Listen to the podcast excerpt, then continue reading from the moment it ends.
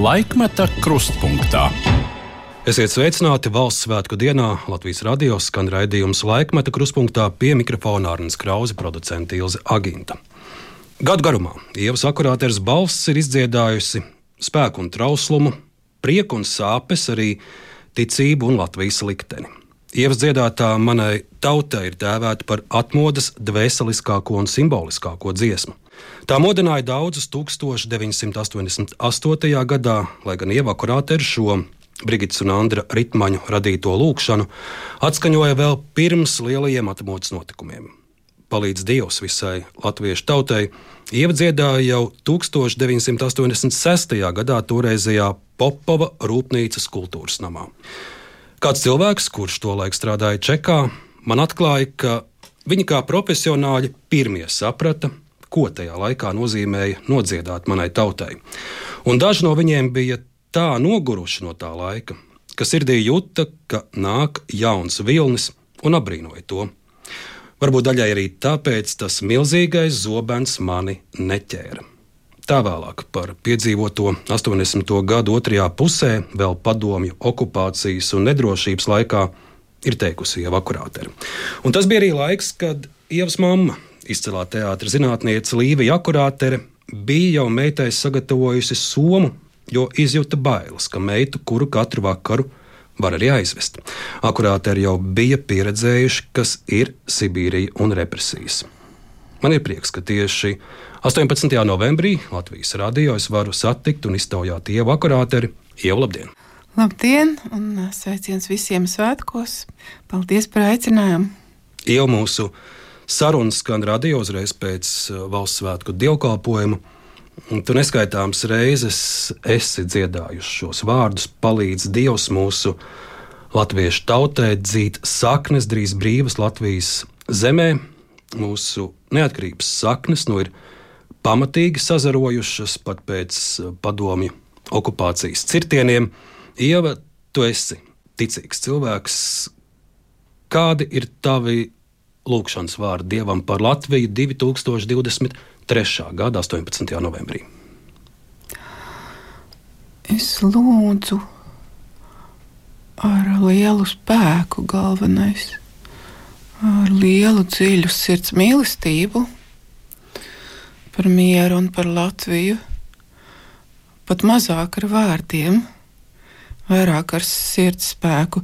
Un vēl es katru reizi, kad es dziedu eh, joprojām šo dziesmu manai tautai, es tajā brīdī, kad pievienojas visi klausītāji, jo tas vienmēr notiek otrajā piedziedājumā, tad es jau pilnīgi jau aiz laimes lidoju, jo es jūtu, ka mēs visi lūdzam. Mēs ļoti nopietni vienmēr lūdzam, un visi kopā lūdzam par vienu. Un, un tas ir liels spēks. Ieva, šodienas Latvijā, kas tevi stiprina un dod ticību, ka, ka mūsu Latvijai būs saules mūžs? Man dod ticība tas, ka uh, Latvijas tautā ir mājo tāda garīga domforma, kura ir kristāli dzīvā, tīra, ētiska, ļoti atbildīga, ļoti žēlsirdīga, ļoti tāda, kas ieklausās pasaulē, jo Latvija jau arī izskatās pēc austiņas, ja, geogrāfiskā līnijā. Un, un tā mūsu tautas un patiesības un mūsu tādas uh, iekudētās uh, humānismu, mīlestības sajūta un tas uzdevums, es domāju, ka viņš ir tāds pārliecīgs, pārlaicīgs, pārlaicīgs šai ciltī, kas ir latvieši. Un ka tas ir pat kaut kas tāds, ko mēs nesam vēl no senākiem laikiem, kad nu, man ir tā sajūta tāda, Es arī daudz ko esmu lasījis par vēsturi. Uh, un, un interesējusies par dažāda, dažādu tautu kultūrām, ticībām un, un etiskajiem kodiem un tam līdzīgi. Un es jūtu to, ka mēs labi mēs atnācām šeit, šajā mīļajā Latvijā, kurā mēs jau daudz gadsimtu šeit dzīvojam, bet mēs esam atnesuši vispār cilvēciskas vērtības, kas ir vajadzīgas visai pasaulē. Un, lai cik mums grūti iet, un lai kā mēs ik pa brīdim viens otru kritizētu, un uh, apmaldītos un apvainotos bērnišķīgi pat un nevarīgi, un, un tad atkal izmisumā skrietu un no jauna atjaunotu to savu uguni. Uh, nu, tā ir tāda mūžīga, tā lielās mīlestības, lielās cilvēcīgās palīdzības. Tā, no doma forma un uzdevums. Tas ir tāds, kas ir mūsos vienkārši iekšā, un viņš skan vienmēr, kad mēs sapulcējamies. Un, uh, Nemaz nerunājot, protams, par dziesmu svētku izjūtu, jo tas vis, visiem uzreiz skudriņas ieskrien. Un tā, tā, tā ir mīlestības, tā ir dzīvības uh, ticība. Jo mēs šobrīd atkal dzīvojam ļoti nemierīgā laikā, karš Ukrainā un arī citi satricinājumi dažādās pasaules malās. Cik tu droši jūties Latvijā un šajā pasaulē vispār tagad? Nu, es varētu atjokoties ar izteicienu, ka tā jau ir tikai dzīve. Nu, nekas trakāks par, par dzīvi mums nevar piemeklēt. Uh, un dzīves tām peripētijām un transformācijām. Un mēs uh, visi arī, lai, lai pie kādas mēs ticības būtu, mēs, nu, ir, ir mūsos cerība un ir, ir mūsos pārliecība, kā tas varētu būt tā kā mēs beigsim šo zemes dzīvi, bet nu, skaidri mēs nevaram to zināt, kamēr mēs tur neesam. Tātad no vienas puses, ja mēs esam ticīgi cilvēki, mēs visi jūtamies pasargāti, lai, lai cik būtu šausmīgi, bet no otras puses ir tā, ka man ļoti gribētos, lai nebūtu tik daudz nelaimju, lai, lai bērni augtu laimīgi un ar pārliecību, ka viņi ka mēs tiešām sasniegsim tos apsolītos tūkstošus miera gadus, kas vispār ir sludināti. Nu, katrs mēs mēģinām darīt to, ko mēs varam. Man arī radinieki, es pat varu palielīties. Man ir uh, radinieks Pāvils Čornīs, kurš dzīvo Aluksnē, un tikko bija ziņās par viņu, kā viņš uh, rīko tādas akcijas, kurās cilvēki, piemēram, es nezinu, pērk kaut ko viņiem ļoti vajadzīgu, un tad uzreiz samet naudu, un uz, viņi uzreiz par to naudu nopērk džipu un, un laiž uz Ukrajinu. Un, un, un vienkārši vēd daudzas, daudzas mašīnas pēc kārtas tur uz to Ukrajinu, lai, lai, lai Ukraiņu karavīriem būtu ar ko braukt. Nu, nu, tāda veida palīdzības. Mēs, protams, nu, es, es dziedu ik pa, ik pa brīdim visos, kur tik varu tajos pasākumos. Un, un, protams, ka tas ir sauglis un tās ir stiprinājums, un tas ir aicinājums, tas ir atbalsts viens otram, emocionāls, kas ir ļoti svarīgi. Jo, jo vispār es esmu cilvēks, kas uzskata, ka emocijas ir ļoti noteicoša lieta arī tīri praktiskās un materiālās lietās. Tāpēc nu, katrs mēs darām, ko mēs varam. Tad tu dzirdi dažkārt šīs frāzes, ka nu, cik var runāt par to Ukrainu vai par karu, un Nē, daudzi nu, saka, ka viņi ir noguruši. Un mums taču pašiem ir savi bērni un veci cilvēki, kuriem vajag palīdzēt. Cik, cik daudz var par to Ukrainu jau ir apnicis. Nereti dzirdam šādus izteikumus. Kā tu uz tādiem raugies? Nē, nu, es domāju, ka cilvēki vienkārši nogurst tie, kas nav pieraduši iesaistīties. Uh, savu, savus eksistences laiku norisēs, bet nu, es esmu no tiem, kas piedalās vienmēr. Un man ļoti draugi daudz ir, kas visu laiku piedalās, kas ir ieinteresēti. Un, un mūziķi vispār, ik pa laikam, sevišķi roka muzikanti un folk muzikanti jau ir sava laikmeta notikuma atspoguļotāji. Viņi vienmēr mēģina veidot ar savu mūziku kaut ko un vēlēties un, un palīdzēt un ieskaidrot. Un tā, tā kā es, es saprotu, ka daudziem varbūt ir apnicis, bet kamēr karš ir, tikmēr mēs piedalāmies un, un tas jau viss ir tik tuvu. Cik tieši tu uztver šo salīdzinājumu, ka Ukrāņi šodien, arī 18. novembrī, savos ierakumos uh, karo un aizstāv arī mūsu Latvijas mhm. brīvību? Cik tieši tu to uztver? Nu, es to uztveru vispār absolūti tieši tāpēc, ka. Uh, kā viņš no malas varētu izskatīties, ka es esmu uh, vairāk tikai dziedātāja vai ne, nu, poetiska persona, bet uh, es jau no 81. gada praktiski piedalījos, ko es uzskatu īstajā politikā, jo man bieži saka tā, nu, vai jūs tur esat strādājis politikā, vai kad jūs beidzot tur piedalījāties politikā. Nu, manuprāt, tas, ka es esmu strādājis vienā sasaukumā Rīgas domē, ja, kad bija pilsoniskā saimnība, kad Ģerts Valdis Kristovskis eh, nodibināja, un tas, ka es tagad pusgadu strādāju saimā ar konservatīvajiem. Pie tam, kur cilvēki nesaprata, cik šausmīgi svarīgi ir šī tādus ekstrēmus nacionālistus paturēt šajos grūtajos laikos.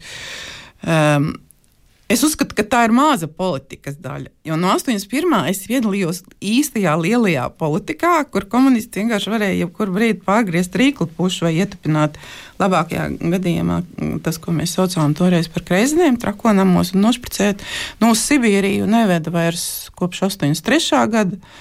Un tā bija politika, kur mēs reāli cīnījāmies par Latvijas brīvību. Uh, un, uh, un Un pēc tam bija ļoti daudz visādi notikumi. Protams, ka parādījās tās dziesmas, ko mēs tur dziedam, un tam līdzīgi. Un ir visādi vēl nu, arī situācijas bijušas ar Latviju. Un es jau, es jau atpazīstu tos komunistus. Es jau cīnījos pret tiem komunistiem toreiz. Man jau nav ne mazāko ilūziju par to, kas notiek Ukrajinā. Es jau redzu tās šausmas. Es redzu, ka tas ir tas pats briesmīgais komunismu puķis, vai kā viņu sauc, rēks, kurš pacēlis atkal galvu.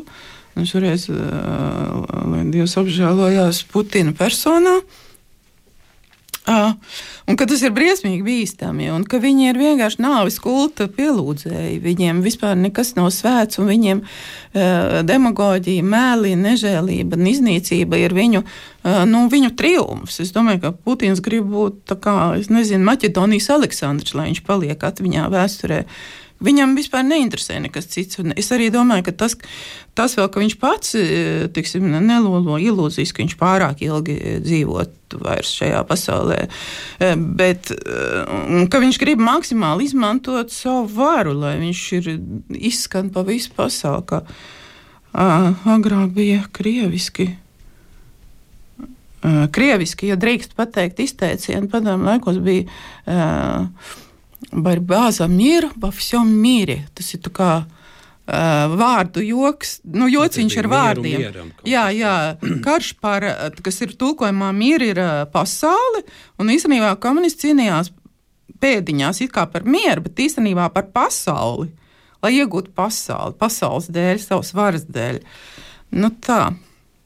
Nu, mēs vienkārši cīnāmies joprojām ar to pašu ļaunumu. Uh, Un es nenogurstu cīnoties par to. Es, es vienkārši degu par to visu. Es nevaru nogurt cīnīties par taisnību, par žēlsirdību, par mīlestību un dzīvību.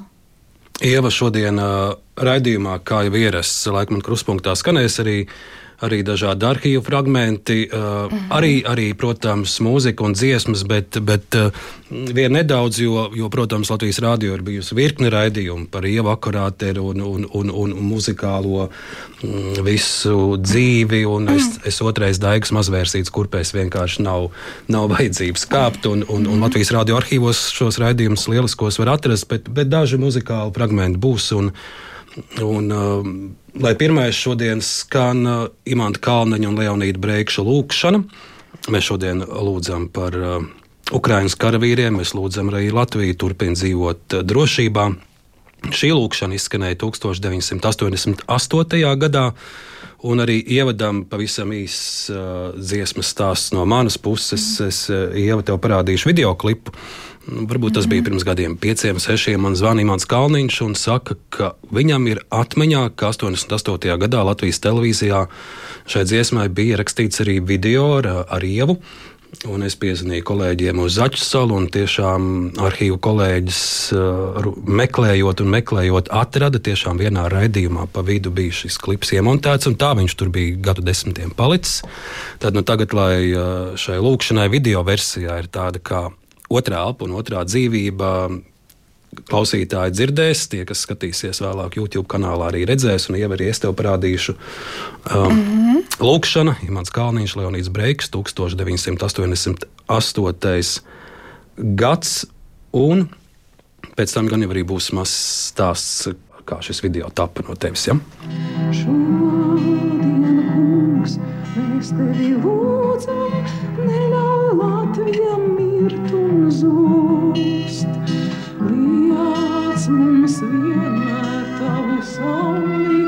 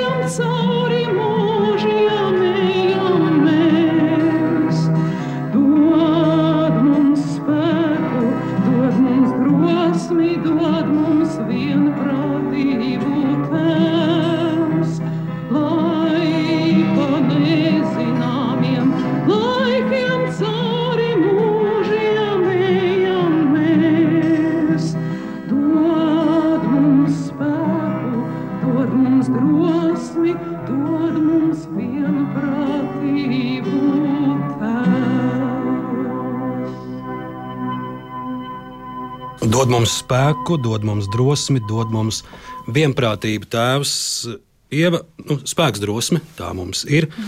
Bet kā ar vienprātību? Jo mēs dažkārt esam tik sašķēlušies. Piemēram, partiju atbalstītājos, vai, vai Covid laikā ir tas Covid vai nav.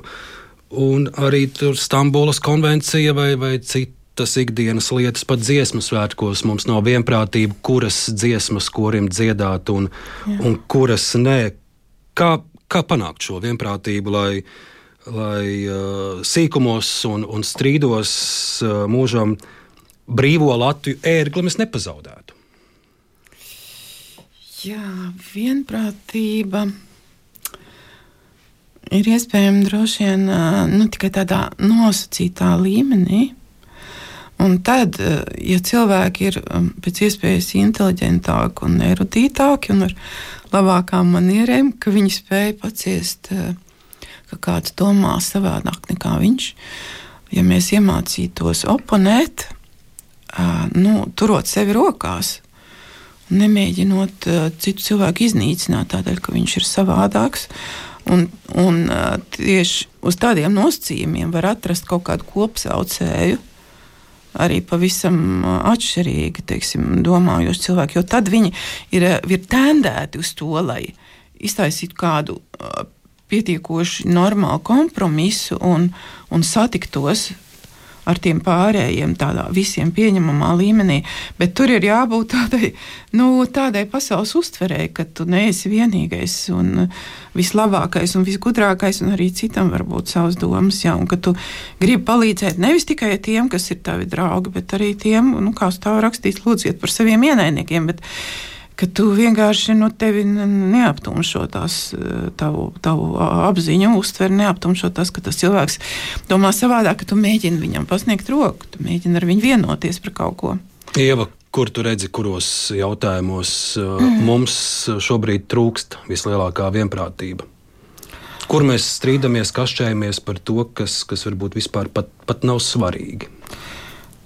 Nu, man liekas, ka pat labi ir ārkārtīgi liels juceklis valdībā. Un no tā, ko es pieredzēju tajā pusgadā, kad es tur strādāju, saimā, tas bija ārkārtīgi interesants laiks un milzīgi interesants dzīves piedzīvojums. Ak, sanāk jau, ka tu biji jā. valdošajā koalīcijā. Jā, pat, jā, pat. konservatīvajos, jā. Mīļi, jauki un sirsnīgi kolēģi grib patiesi fanātiski grib aizstāvēt Latviju par katru cenu, ja, tad tas joprojām mēs jau eksistējam. Un, un tas ir mūsu tāds princips joprojām. Un tas man, man vienmēr ir paticis tas kaujinieciskais. Tāpēc uh, it kā iluzori varētu domāt, ka es esmu kaut kādā veidā mainījis partijas. Es tagad stāstu nu, plaši par to visu. Ja. Bet man patīk vienmēr tie ekstrēmisti, labā nozīmē. Tāpēc, ka es kopā padomu laikos cīnījos ar pagrīdē vai ne tiem disidentiem, saucamajiem pretvalstiskajiem elementiem par Latvijas brīvību, tad uh, pirmā, pati pirmā dibinājās LNK, kad vēl brīvvalsts nebija pasludināta. Mēs jau bijām vēl kā paslepeno pagrīdē.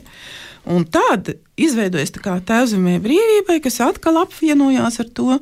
Un tad kā nesēja raķete, kas man, manā uztverē ir nesēja raķete. Girts Valdis Kristovskis, kas atkal bija joprojām ar, ar Sandru, abi divi tādā pārliecībā, ka viņi grib to brīvību, un viņi grib godīgumu, un viņi grib, ja, un tad, nu, tur, un tad pēkšņi parādījās, ka man likās, ka vienotībā viss tā kā, zin, tā kā ūdens tā noviļņojās, un atkal tāds laimīgs, tāds ģimenes dīķis. Nu, tāds mazs politiskais apskats jā. jau par, par nu, tavām lūk, gaitām un... politikā mēs vēl parunāsim, ah. bet, bet tas mans ievads bija par, par, par šodienu, kur varbūt mēs pārāk mm. ilgu laiku veltam kaut kādām diskusijām, strīdiem, sarunām, bet ja mēs paraugamies uz, uz, uz Latvijas uh, likteni vai, vai Latvijas uh, šodienu, kad, kad varbūt mēs ir lietas, kur pilnīgi nevajadzīgi mēs, mēs kašķējamies. Es, to, jā, es sāku to visu stāstīt, tāpēc, lai būtu tas priekšstats, kāpēc es tā saku. Nu, jā. man ir tāda sava pieredze tā, par to visu un tādas savas domas. Nu, lūk, un tā kā es dabūju pastrādāt atkal tādos ekstrēmi sakāpināti, labā nozīmē laimīgos, ļoti latviskos, kas ne, nebaidās tur cīnīties. Nu, lūk, un, un man tā pieredze pateica tādu lietu, ka ir ļoti daudz racionāls lietas, kuras mums vajadzētu politikā izdarīt. Nu, tiksim, mēs tiksim, iejūtoties joprojām tajā lomā politiķis. Bet, kā zināms, teiksim, lielajās sēdēs, ceturtdienās, apmēram nu, vismaz puse laika aiziet uz tukšiem strīdiem, uz demagoģiju, izlikšanos un teiksim, tikšanu pie, pie rupora, lai nu, dabūtu kaut kādu reitingu un parādīšanos. Mm -hmm uh, absolūti neliederīgi. Vienkārši izmests laiks. Uh, tad vēl ir uh, viens mīnus milzīgs, kas uh, rāda šausmīgu destruktīvismu un neiedzību, neprofesionālismu politiskajā darbā, ir tas, ka bieži vien kaut kāda konkrēta partija nu, ir izdomājusi, kas būtu jādara kaut kādā jomā priekš cilvēkiem, lai būtu labāka dzīve. Bet viņi saka, nē, mēs to nevaram darīt, tāpēc ka mūsu vēlētājs to nesapratīs. Par mums nevēlēs. Tātad, kam ir īstā vara? Tam iedomātajam vēlētājam, kurš kā, liek tai partijai rīkoties tā, kā viņš pēc tam par viņu vēlēs. Un dažreiz tas vispār neatbilst tam, ko vajadzētu Latvijas valstī. Un, nu, protams, ka tas ir ļoti, ļoti trausls un bīstams jautājums visu laiku, vai ne? Jo katra partija pārstāv to savu lūdzu, lūdzu, joprojām mūsu vēlētāji, kas vēl mums vēlēs. Bet ir arī cilvēki, kas vienkārši gribētu. No nu, visas sirds, lai Latvijai būtu labāk, nu vienkārši tu un es. Mēs taču gribētu, vai ne? Mums pat nav, nav jābūt politiķiem, nav jāizliekās par kaut kādas vienas pārliecības, tur karognesējiem. Mēs vienkārši gribētu. Tu iedomājies, ja Un cik daudz aiziet uz tiem strīdiem tikai tāpēc, lai ar elkoņiem bakstītos, un lai palielītos un lai noniecinātu otru. Bet, mīļais Dievs, ja viņi strādātu, vienkārši darītu to darbiņu, kas viņiem ir uzticēts. Tu iedomājies, kā tas būtu, cik kolosāli tas būtu. Labi, ja reiz mēs iesākām par politiku, tad es vēl, vēl paturpināšu ar vienu jautājumu. Gadu gadiem jau dažādas aptaujas rāda, ka Latvijā ļoti zema ir, ir iedzīvotāju uzticība partijām, ļoti zema uzticība ir mūsu valdībai un arī parlamentam. Ar ko tu to skaidrotu? Iekavās ieliekot, ka pati esi bijusi gan vairākās partijās, gan arī Jā. tur saimā strādājusi. Un kā tu skaidrot arī uh, pašas pieredzi kandidējot vēlēšanās, jo es paskatījos dažādas vēlēšanas, dažādu laika periodu, ir bijuši gadi, kad uh, ļaudis ir likuši daudz plusiņus ievai akurāterei, Ir bijušas mm. vēlēšanas, kur Ievā Kurāte ir saņēmusi arī mīnusiņus vai Jā. svītrojumus. Arī, arī to esi pati izbaudījusi, ka, ka mm, iedzīvotāji tieksme var mainīties, ar ko tu to skaidro. Ka, ka, ka ļaudis ļoti, ļoti kritiski mums vērtē politiķus un, un neusticīgi uz viņiem skatās. Attiecībā uz mani tieši vispār? Gan uz sevi, jo ir bijušas vēlēšanas, ar, kur tie mīnusi ir bijuši, gan, gan vispār es, kopumā. Es domāju, ka ir tāda perioda, kad ir vairāk izskanējis tas, ka e, tie cilvēki, kas nodarbojas ar kādām daļajām mākslām, ir noteikti bez intelekta, nesaprātīgas būtnes, kas kaut kādā autopilotā vienkārši iziet uz skatuves un neapzinātā formā kaut ko dveš. Un tad arī tajā laikā tur liek daudz mīnusiņus, tāpēc ka kā, kā, kā dziedātāji varētu kaut ko saprast. Nu, ko tad no... tie mākslinieki? ko tad tie mākslinieki? Nu, lūk. Uh, uh, nu, un tad tad ir kaut kādi brīži, jā, kad mēs esam kaut kādas aktuālas tēmas. Tur vairāk es esmu tikusi pie kaut kādām avīzēm un tur publicējis pirms tam kaut kādas savas domas. Nu, tad cilvēki ir noticējuši tajā brīdī, ka es tiešām domāju un rūpējos, nu, tad ieliek plusiņus. Tas ir par tevi un par, jā. par politiku kopumā, kādēļ ļaudis ar neusticību. Nu, es domāju, skatās. ka cilvēki ir pamanījuši, ka bieži vien, diemžēl, Latvijā nu nav tā, ka katram politiķim būtu jābūt tieši arī profesionālim un labam savu darbu darītājam. Ka galvenais, kā viņš tur smuki izrunāsies. Un, un ja vienreiz viņš tā labi izrunājas, tad ir ļoti forši. Citreiz viņš neveiklāk, tad viņa konsultanti viņam pakrita pirkstiņu un saka, nākošais runā lūdzu veiklāk un nestomies. Bet principā, nu, iedomājieties tā, cik absurdi, ka, piemēram, par ministru var būt praktiski jebkurš, kurš ne, nejauši tiek tur ievēlēts. Viņam nav jābūt nekādām īpašām iestrādēm, viņam nav jāpazīst cilvēki, kas ir tajā jomā. Viņam arī nav nu, kā, e, jāaptver viss tā nākotnes perspektīva. Viņš vienkārši tur ir. Nu, nu, kā lai es uzticos viņam? Nu, kā es varu uzticēties? Tāpēc, ka jebkurā citā darbā, taču maizes cepējam, nezinu, bibliotekāram, baletniekam, nu, sportistam prasa rezultātu. Politika ir vienīgā vieta, kur Latvijā diezgan labi var iztikt bez rezultātu. Un... Bet, uh, nu, ja mēs paraugamies saimnes vēlēšanas, un faktiski jau nākamajā dienā pēc vēlēšanām, cilvēki saka, ka tā, tā, tā saima ir slikta un tie politiķi jā, tur ir nepareizi. par to, par to kāpēc, kāpēc mēs, mēs neusticamies tiem ļaudīm, kurus mēs izvirzam, un otrs stāsts, es domāju par jauno paudzi, kur viņiem ir motivācija iet partijās, iet politikā, redzot, kas tevi sagaida sociālajos tīklos, kas tevi sagaida komentāros. Uh, mm -hmm. nu, tā man liekas, tā ir tā vide, kur nu, tev ir vai nu biezai jādai jābūt, vai, vai, vai kā savādāk. Nē, nu, principā ir tā. Ka, ja tu strādā jau par politiķi, un tu neesi pirms skatuves mākslinieks, kā es, man joprojām bija ļoti svarīgi arī, eh, nu, vai man nāk tur tie ārprātīgie 3000 šausmu draudi vai nenāk. Jo man ir arī nu, skatuves tēls, kas man ir tomēr jāsargā un jālolo. Man ir atbildība par to. Bet, ja cilvēks tiksim, ir pametis savu citu profesiju un kļūst par politiķi, tur rodas tāda iluzora pasargātības sajūta tiem politiķiem. Viņiem var gāzties virsū visi tie kritiķi, un, un tā skaitās pat tāda sportiska tāda izturība. Es esmu mm. politiķis, kas iztur šo kritiku. Nāciet un, un lamājiet mani un rakstiet, man tas vienalga. Es daru savu, man ir savs uzdevums, man ir sava alga. Un, uh, nu tā. No Leonīda Breikša un Imants Kalniņa lūgšanas mēs aizgājām uz Latvijas politiku šodien, bet atgriezīsimies 1988. gadā. Šī lūkšana, manuprāt, patiesi ir viena no, no patiesākajām lūkšanām par Latviju. Un, Jā. un mēs jau noklausījāmies un noskatījāmies arī 88. gadā filmēto video klipu Latvijas televīzijā, kāds ir šī, šī video stāsts un ah. šīs lūkšanas stāsts. Lūkšanas stāsts ir pavisam no sākuma iesāk. E, tajā gadā mūs uzaicināja, kā e, mēs ar Imants Iedoni Un vēl jaukiem ļaužiem braucām pirmo reizi kā oficiālā delegācija uz eh, Ameriku pie Amerikas latviešiem, uz latviešu biedrībām. Tā bija pirmā oficiālā delegācija. Tad cilvēki, protams, bija braukuši. Bet tā kā jau, mēs jau cerējām, ka tuvojas brīvvalsts, tad mūs tur uzaicināja. Nu, lūk, un Protams, ka vēl pēdējā brīdī atradās kaut kādi, kas vienmēr tur ārprātus taisa. Ārprāts, ārprāts, Imanam Ziedonam tur tāds dzējolis kaut kāds un vēl kaut kāds. Un tad es zvanīju savam draugam Andrim Slapiņam un, un viņam saku, nu, bet tas taču. Um, Ziedonis taču ir vispār gaismas, gaismas iemiesojums un brīnišķīgākais cilvēks, kāds var būt. Un Andris arī saka, jā, brauc droši, jo tu aizbrauks tur un, un cilvēki uztvers nu, tavu cilvēcisko kodolu, ko tu gribi viņiem pateikt, viss ir pilnīgā kārtībā. Un neklausies uz tādiem, kas tur rēja riņķī. Nu, lūk, un, un es Imantam Kalniņam palūdzu. Mēs ļoti jauki draugi bijām. Tajā laikā mums bija vairāk laika draudzēties tieši tā.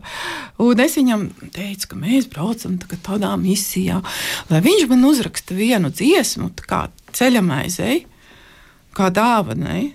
Turienes latviešiem.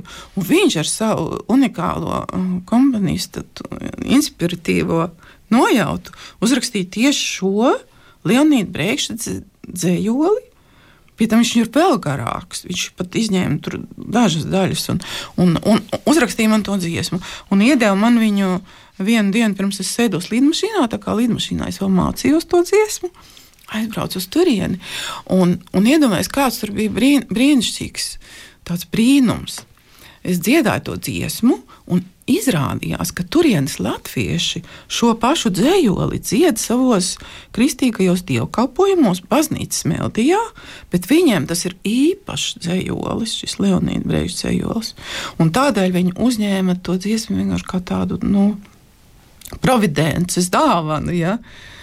Un e, tolaik vēl e, grupa Akacis, e, dzīvoja tur Amerikā tie cilvēki, Gatis Gaujnieks un, un, un, un, un Un pārējie tagad jau viņi ir pārvākušies uz Latviju.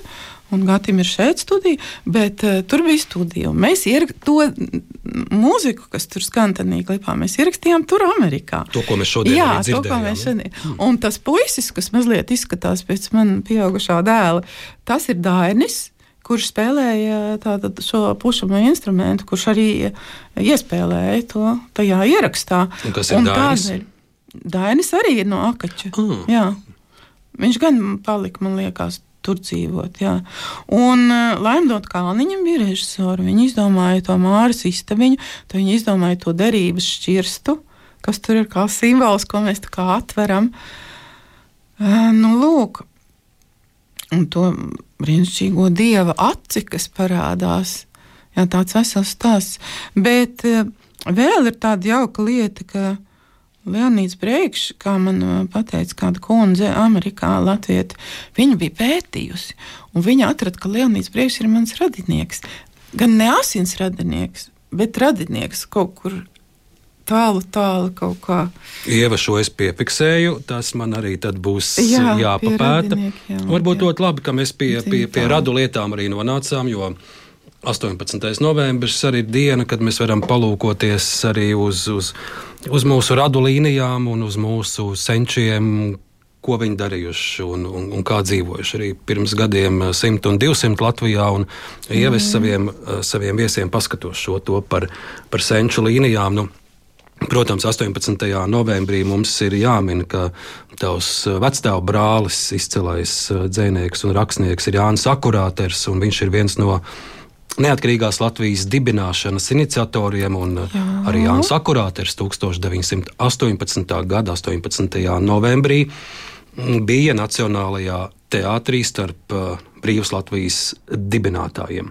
Un Jānis Akrāters bija savulaik Latvijas radiofona direktors. Jā, arī. un kultūras ministrs pats. Un kultūras ministrs un Jā, lēmumu ir dibināts arī Nacionālais teātris. Nu, lūk, uh, Es pat nezinu, no kura gala pie taviem senčiem ķerties klāt, un man būs interesanti. Tikai gribēju lūdzu, pateikt, lūdzu. ka tieši akurāt ir mājā, Jāņa akurāt ir māja bē, mājas bēniņos, glabājās tas sarkan, balts sarkanais karoks Latvijas, ko um, Dainis Stalts nesa. Um, pie brīvības pieminiekļa, tajā uh, pirmajā reizē, kad vēl padomju laikos sapulcējās cilvēki, un es tagad neatceros, kurš tas bija gads. 80 piektais. 83. vai 85. kad bija tā li liels gājiens pie brīvības pieminiekļa, un viņi bija iz, izvilkuši no tiem vēniņiem to karogu, kas tur bija noslēpts. Ja visu padomu laiku. Tas varēja būt 86. vai 87. 7. Nē, tas ir pa vēlu. Helsinki 86. man liekas, bija pirmie, kas pulcējās pie pieminiekļa. Nu, tad, jā, jā mm. bet Dainis jau ar viņiem gāja. Mm. Tas nebija pēc tam vēlāk. Tas bija tad, un mans vīrs Sergejs Akurāters, kurš bija rīktīgais disidents, kurš pieņēma manu uzvārdu. Viņš viņš nofotografēja to, to, to, to gājienu, un viņi palaida caur Māru Strautmanu, kas vadīja. E, Stokholmā to brī, Latvijas brīvo rādījumu, nezinu, kā viņš saucās. pa visu pasauli to bildi. Un tad Čeka, protams, eh, Sergeju atkal tur šaustīja. Ne, tas bija senāk, tas nebija vēl tur 87. jau bija, vai mīlīt, jau mierīgi varēja pastaigāties jau ar karogiem, vicināties. -huh. ne, tas bija vēl trakajos lēkos.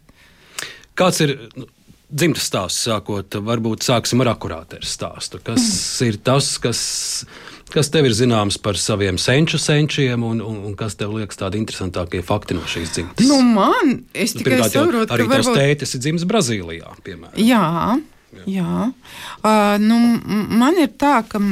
Man novadpietnieks stāstīja romantisko stāstu, kuru varbūt tu iespējams apgāzīsi, bet kad esot bijis Viljams Akurāters, kas ir bijis eh, Napoleona eh, armijas dalībnieks, nu, sākumā bija stāsts, ka viņš ir francūzis, pēc tam bija minējumi varbūt, ka viņš bija no prūšiem, bet katrā ziņā, ka viņam bija daudz tādu, tādu tēli.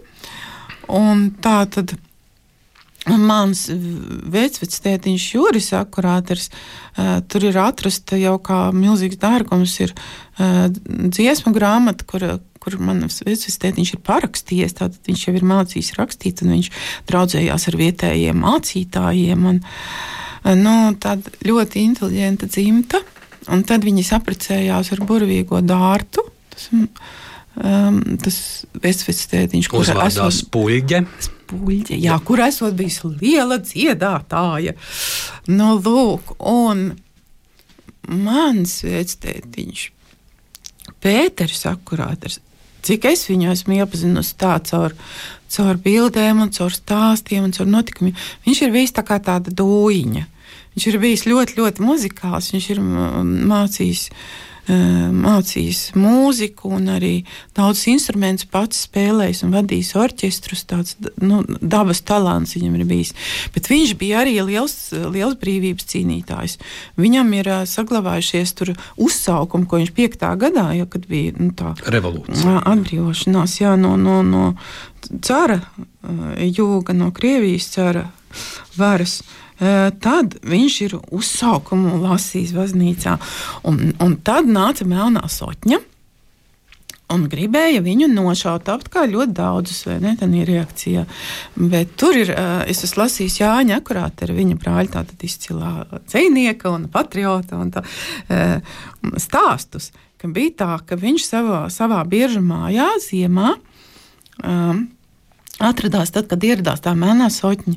Viņa nošauta, viņu meklēja. Un viņš paslēpās, iedomājies, kā nu, ienāk istabā un atver durvis. Tā, un viņš aiz tām durvīm noslēpās. Un kamēr viņi bija citā istabā, viņš izlieca pa logu un bez nekādām mantām, bez nekā vienkārši aizbēga. Un tad viņš aizbēga uz Poliju. Kur viņš nelikās mierā un sāka musināt poļu armiju pret cāru.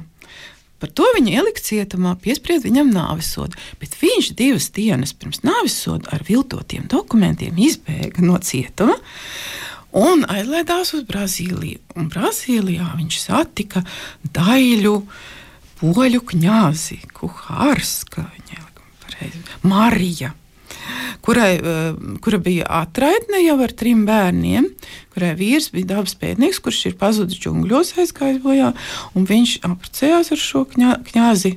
Un viņam piedzima vēl tur bariņš bērniņa. Un starp tiem uh, mans tētis, Baltgalvītis, Valdemārs Akurāters. Un uh, mans tētis līdz astoņiem gadiem dzīvoja uh, Brazīlijā. Un tad Jānis Akurāters aizsūtīja viņiem naudu, lai viņi var atgriezties dzimtenē. Un viņi arī atgriezās. Viņi arī atgriezās jā, ar tiem bērniem, kas bija nu, no mana mesētiņa. Uh, un un man, mans tētis, atceroties jau tā, es gan savu tēti nu, diezgan īsu laiku uh, satiku bērnībā, jo viņa ātri mamīti izšķīrās. Bet, bet tie stāsti ir tādi, ka tēcis stāvējis pie sētas kaut kur Latvijā un klausījies svešu valodu. Jā, viņš zināja poliski un portugāliski, mm. kā Brazīlijā runā. Un latviski viņš iemācījās tikai pēc tam. Iedomājies, bet, bet um, uh, Marijai, Kņazai Marijai, esot bijis augsti. Šeit, jā. Jā, un arī vientuļi, jo, jo toreiz, nu kā vīrs uh, skolotājs bija Pēters Akurāters gan Krāslavā, gan Daugavpilī, un viņš jau nevarēja pat katru sestdienu atbraukt tur ziemā, piemēram, pāri Daugavai, tur ar zirciņu vai ar ragaviņām mājās. Nu, tā viņi pa Jēkapilu un pa biržiem dzīvojās. Un, Nu, lūk, jau paldies par šo ļoti interesanto akurāteru dzimtas stāstu. Nu, es no savas puses viņu varu papildināt ar, ar, ar dažiem um, atradumiem no, no kristību grāmatām, no laulību ierakstiem un no mūžas revīzijām. Un, nu, vienīgi man varbūt būs mazas korekcijas jāizdara tajā stāstā par tiem uh, Napoleona laikiem Jā. un par tiem franču iespējamiem senčiem. Es tādus tur neredzu, jo akurāteri uh, Holmhofas jeb salas mūžā dzīvojuši, kā es redzu, vēl krietni pirms Napoleona armija Jā. ienāca Latvijā.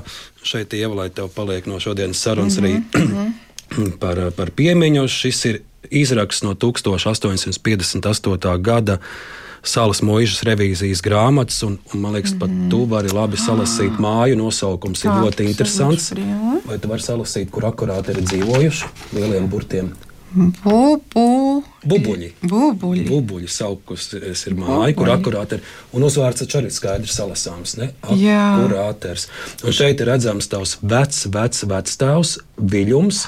Augšā rakstīts arī, ka viņa tēvs ir Pēteris. Pēc tiem gadiem sanāk, ka Pēteris ir dzimis 1770. gados.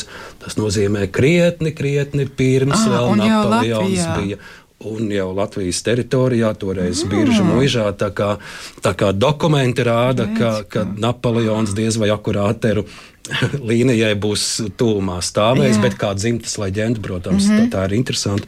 Un te ir pats senākais ieraksts, ko es vispār atrodu, kur ir pieminēti akurāteri. Ir, ir, ir, um, mm -hmm.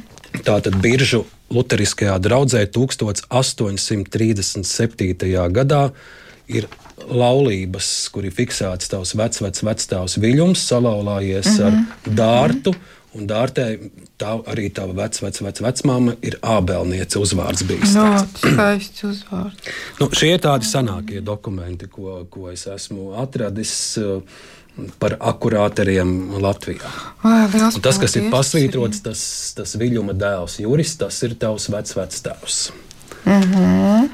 Nu, nav tie franči, varbūt, bet. bet uh, Bet ir, ir bet, pa, pamatīgi nu, akurāti. Jā, un bubuļu mājas. Tas ir bubuļu mājas. burvīgs nosaukums. Man jau bērnībā patika ļoti bubuļi. Bubulis tāds like, mazs troksnis, tā kā tāds. Es skatījos tā kā skaidrojumā. Es, es par bubuli uzskatu bubuļus, nu, tādus mazus mīļus ķiparus.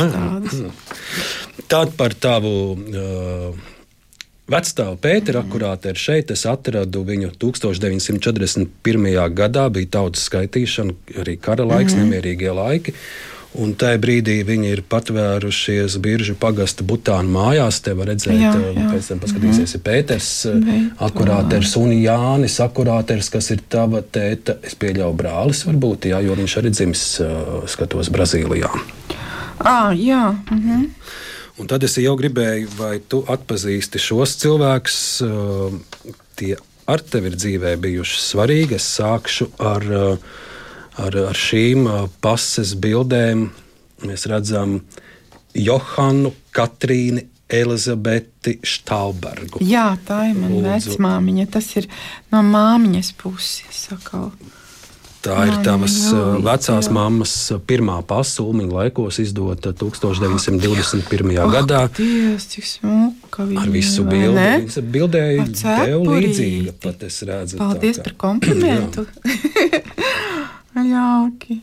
Un te būs arī tava vecāta dokumenti. Bet tur nu arī romantiski. Pēters Kāļa dēls, Pečaks, tavs mammas tētis. Jā. Par saviem mm. vecākiem ievar kāds stāsts šodien. Jā, Pečuks esot uh, liels, liels, nu es izstāstīšu labi mm -hmm. par mammiņas tēti Pēteri. Uh, viņš bija liels grāmatnieks un viņam ļoti patika vēsture. Viņš arī bija, starp citu, tika izdota viņa tulkota Džeka Londona um, stāstu grāmatu vai romāns. Es tagad neatceros, bet Džeku Londonu viņš bija tulkojis. Un vēl ar viņu saistās diezgan dramatiski notikumi. Mm, sakarā ar to, ka viņam bija mājās ļoti daudz no vēstures, visādu, nu, visādu nu, liecību, vēstures liecību. Tad nāca vācieši iekšā Un viņi gribēja viņu apcietināt, jo viņš laikam vadīja to, to kaut kādu dzelzceļa telegrāfu, kaut kādu nodaļu. Un viņi gribēja viņu apcietināt, jo toreiz jau telegrāfs, tas ir kā tagad internets, tur super uh, mākslīgais intelekts gandrīz, nu, tam līdzīgi apmēram tajos gados. Nu, lūk, un, un viņi gribēja apcietināt, un mm, var arī, ar, varbūt pavisam tur kaut ko vēl trauku izdarīt. Bet viņi atrada, ka viņam starp pārējiem visādiem vēstures liecībām bija arī mājās par Hitleru. Kaut kādas liecības arī plauktiņā. Viņi domāja, ah, nu. tas tā kā paglāba. Ja? Jā, un tas tā kā paglāba, tāpēc viņi viņu atstāja tur dzīvi. Pēc tam, protams, nāca komunisti un uzzināja, ka vācieši viņu nav nogalinājuši. Kā tad tā? Nu, tagad mēs to labosim, to lietu. Un gribēja atkal viņu apcietināt un, un vēst prom, un, un tie draudi bija zināmi. Un viņš diemžēl. Nu, viņam arī bija tā, ka viņš bija tāds sapņotājs. Viņš bija uzzīmējis uz krāsnes uh, piramīdas, iedomājies. Viņam interesēja arī Eģiptes, visur tie faraoni. Viņiem bija tāda vienistabas dzīvoklīte, tur pāraugavā, un tur bija izzīmēts. Un viņš toreiz, esot manai mamiņai, nu, ka viņa vēl jauna meitene bija, teica, teica nu, Līvucī tur brauksim uz laukiem, varbūt. Un mamma tikko tur kaut kādās, nezinu, augstās skolās jau iestājusies, teik, teikusi, ka nē. Un tad, diemžēl, viņa ar vecmāmiņu, nu, mana mammiņa ar, ar savu mammiņu atradušas, ka, ka viņš pats bija. Tad izrisinājuši šo lietu, lai ģimeni neaizvestu pats bija. Aizgājis. Ja. Mm -hmm. Un, un jau arī stāsta par, par nu, lūk, māmu. Mana mīļā, mīļā vecmāmiņa tā liela audzinātāja. Ja? Tā man bija galvenā audzinātāja. Viņa man mācīja par, par tābu, par, par, par, par augiem, par zālītēm, par sēnēm, par, par putniem, par dzīvniekiem, kā orientēties mežā. Mēs, mums, mums ir tāds, tāds, ka vienreiz, es nezinu, cik mums ir laika stāstīt un runāt, bet bija nu, tā. Vien, vien, vien nu, vienu stāstu, spilgtu stāstu. Ansis Epners, visiem zināmais izcilais kino dokumentāls, bija ļoti tuvs draugs manai mamiņai, Līvijai. Un vienreiz vasarā viņi tādi pārņemti, kā tādā laikā, vēl kaut kādiem kino ļaudīm atbrauc uz klapkaunciem, kur, kur mēs vasarā atpūtāmies un ies tagad uz Valgu ezeru tur ceļojumā. Ja? Un mēs ar brālīti, tad man divi puskatu un brālītim kaut kādi tri, četri. Un mums jau vecāki bija samācījis par, par dabu. Ja? Mēs tagad ejam tur pārgājienā, un pienāk tā kā iet uz vakar pusi, un Nansis tagad saka, nu tagad iesim mājās. Un viņš tagad visus grib vēst to milzīgo kino ļaužu saimi, tur vēl dziļāk iekšā, saprot, purvos un nezinu, uz kaņēra ezera pusi. Un mēs mammai klusiņam tādu mazi bērniņu, saka, bet mamīt, bet jāiet uz otru pusi, ir mm. mājas. Ārā var no meža iziet uz otru pusi. Un Nansis saka, nevar būt, ko tad tie mazie bērni zina. Un mammiņa saka, bet, nu, zini, es jums ticu, bet nu, neko darīt. Un tad, kad mēs aizgājām līdz pūku pļavām, un tur, paldies Dievam, vien, vientuļā būdiņā bija viens gans, un tas pateica, ka mazajiem bērniem bija taisnība, tad Dānis tā, nu labi, nu tad iesim tur, kur tie bērni. Bērni lika, tas bija tik mīļi, bet uh, īstenībā mums ir kolosāls fotografijas ar Anci bērnības. Un, un tad, kad, tad, kad es dziedāju Mešparkā to uh, manai tautai kopā ar visiem tajā gadā, Tur bija Anzis Ebners, tur bija Juris Potnieks, tur bija Lācis Goldbergs. Un viņi, man visi draugi, mīļi, tuvi, ka man pilnīgi skudriņa skrien tos vārdus pieminot. Un viņi saka, Ieva, vai tu esi laimīga? Un es teicu, jā, es esmu laimīga. Nu, un tu biji arī laimīga mm. kopā ar savu, savu veco māti, kurai tāds pat baltvācisks tāds jā, sapnis. Jā, tur ir atkal, lūdzu, neatņem man šo romantisko lūdzu, lūdzu. šeit stāstu. Uh, var sakot, tur ir atkal tāds stāsts, ka Štālbergs ir bijis agrāk fons Štālbergs, un tajos senajos laikos, bet tas ir atkal pie tālsiem.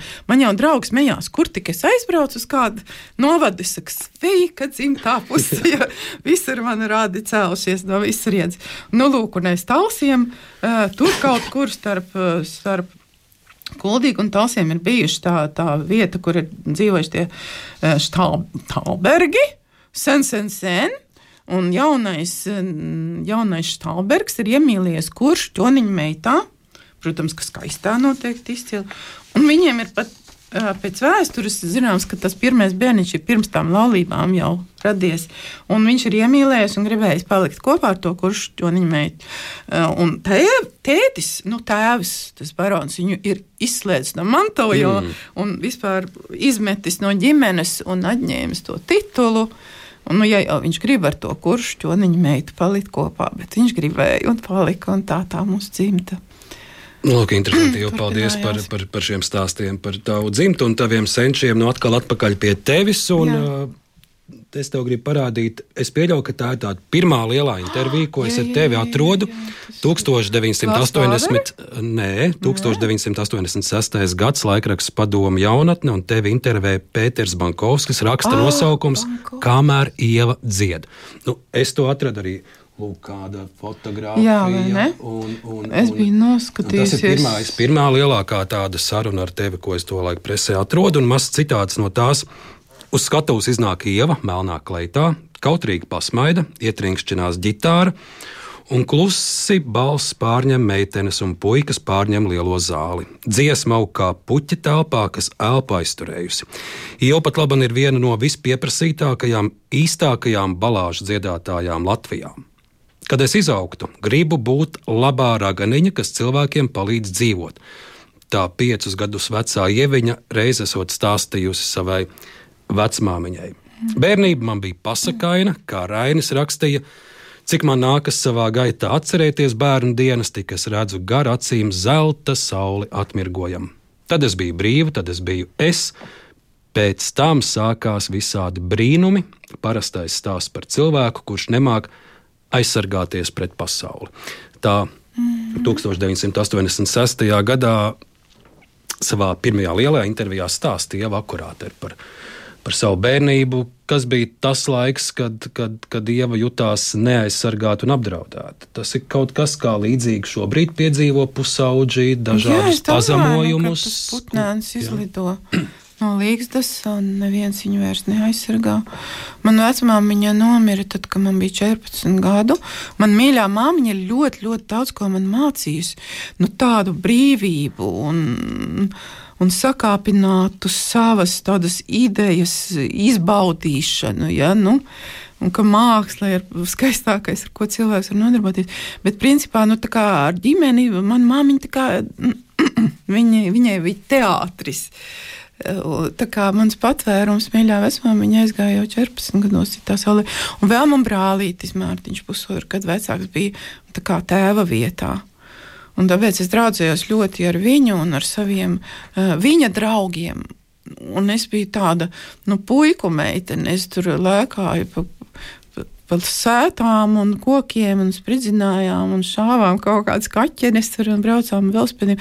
Nu, tādas rotais man patika. Nu, Ieva ne tikai lēkāja pa kokiem, es turpinot no šīs intervijas citātu, tu saki, Arī pieci gadi bērnu mūzikas skolā, vienu gadu mācījos Jā. Lietišķās mākslas vidusskolā, pusotru gadu dejoju Gatvē tautas dejas. Mm -hmm. Man mhm. ļoti patīk. Tāpēc es māku to. Bet pēc tam. Deju. Bet pēc tam es pēkšņi aizlaidos uz Liepāju, jo biju padzirdējusi, ka tur varot kļūt par aktrisi. Mm -hmm.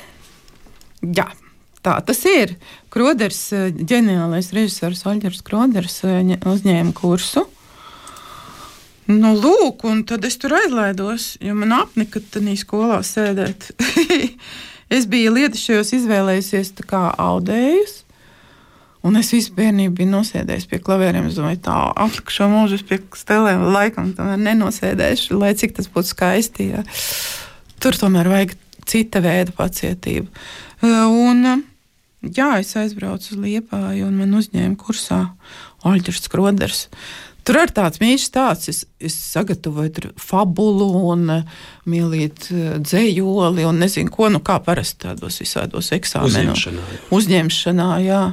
Uh, Bet bija kaut kā tā, ka uh, Kroders uh, nu, stāvēja pāri tādām nenozīmīgām formalitātēm. Viņš, viņš teica, lai es ierodos viesnīcā, Līva. Es atceros, kā no rīta ierados. Viņš tā pavēra durvis, tas numuriņš tāds kā, kā togā apmeties ar, ar kaut kādu deķi.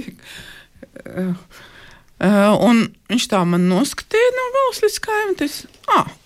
Ah, Jā, labi, ej, iesniedz dokumentus. Vispār neko viņam.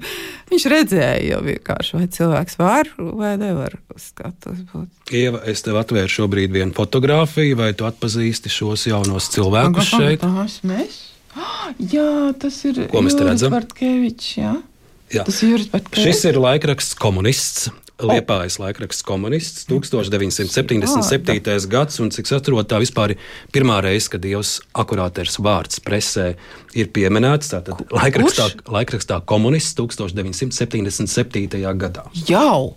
Iedomājieties, un jā. šo biju Un tas īsais garām. stāsts ir lūk, arī mazs citāts. Lielu interesi liepājas skatītājos izraisījusi teātra pirmizrāde Imanta Kalniņa viencēliena mini-opera Ejus tur, kuru ar savu iniciatīvu un entuziasmu iestudējuši liepājas teātra jaunie aktieri.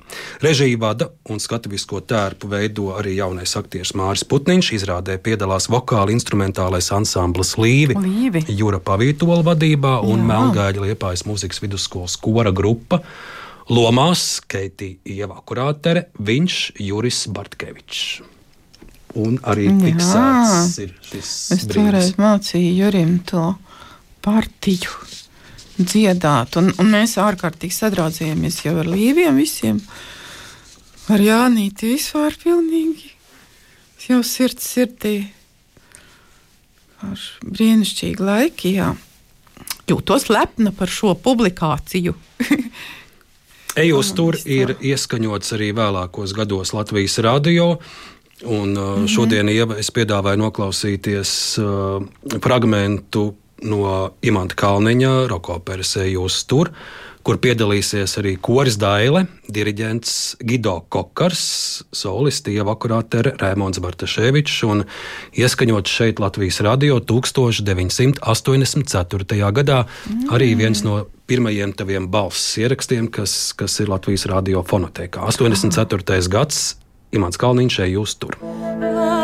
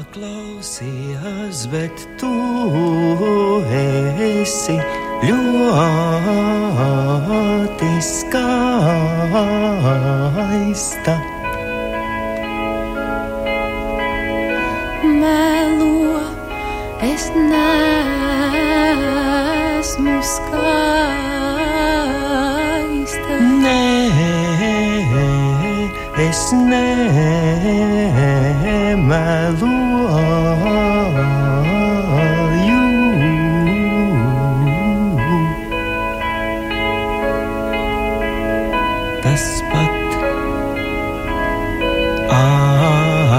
aklam redzams.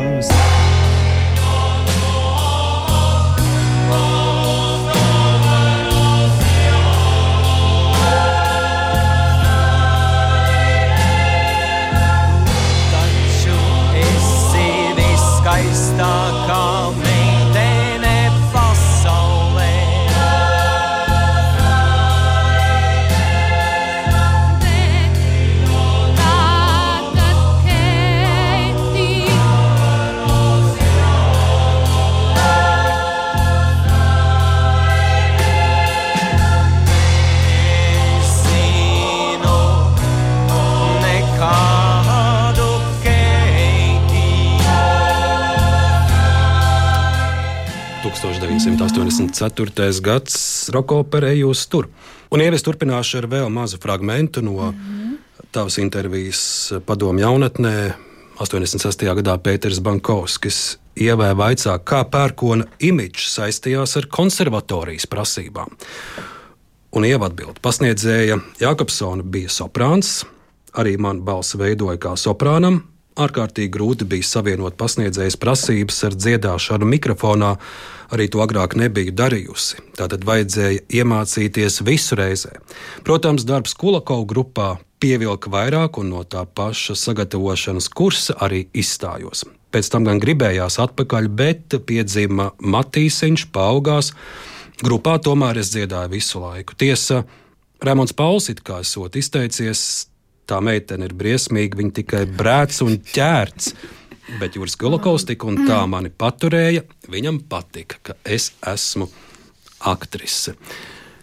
Kas tur bija to Raimondu Paulu? Ai, tur tas bija tāds nostāsts, vai tā, Nē, nē, nē, tā kā nē, tas ir tieši pa- pateica? Jā, tāpēc, kad esot bijis, nu, tā, kad Raimons Pauls, nu, viņš mācīja pirmkārt Jurim klavieres, viņš bija viņa mm. pedagogs.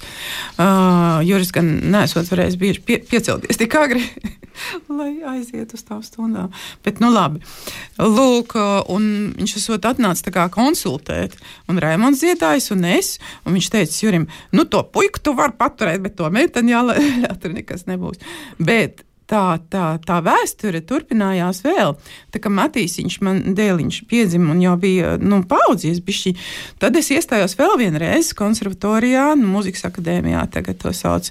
Un pie ilgas tiknos mecas soprāna nomācījos divus, divus uh, sagatavošanas kursus, un pēc tam interesanti, ļoti. Hi, hi, hi. Respektīvi, es iestājos, eh, man uzņēma īstajā kursā. Es, es nomācījos divus gadus oficiāli. eh, Vokālajā klasē pie ilgstīknus, jo Cintars Kļāviņš un Oļģers Krāvīts, kuri gan tagad ir citā saulē un nevar liecināt par to, ka es runāju taisnību, un arī ilgi tiknos ir citur. Vienīgi man kursa biedri vēl ir. Slavu Dievam, lai viņiem veselība jā, šai saulē un varētu man aizstāvēt. Respektīvi, tā kā, tā, kā es mācījos otrajā kursā, eh, tad par to pašu pērkoni. Ja? Nu, tas, tas ir vēl neatspoguļots tajā rakstā. Tad um, Ēdnīcā pienāca klāt viena kursa biedrene, kura bija deleģēta no mm -hmm. komunistiskās, sociālistiskās valdības. Un teica, zini, tev jāiet prom no tā pērkona.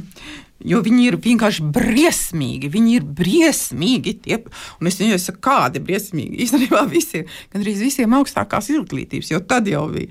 Viņi ir briesmoņi. Un es teicu, man neprātā nenāk iet prom no pērkona. Un tad man izmeta, iedomājieties. No- No, no Tāpēc, ka es arī biju, jā, es laikam biju jau uh, paguvis vairākos pretvalstiskos mītiņos, nu, gan pagrīdes dziedāt jau manai tautai. Nu, viss tur bija tādā mm. vienā šurumburumā. Var sakot, un arī tas pērkons jau bija visiem sakritis uz nervu tad, uh, valdošai iekārtai. Un, uh, respektīvi, viņi man atskaitīja un atļāva pabeigt muzikas akadēmiju kā brīvklausītājai. Pēc tam Guris Antīpos, kas bija katedras vadītājs, man vēl tur satika gaitiņos un teica, nu redz, cik labi, ka tu mācīsi tev tādas virsskaņas. Un iedomājies, kas ir pats smieklīgākais.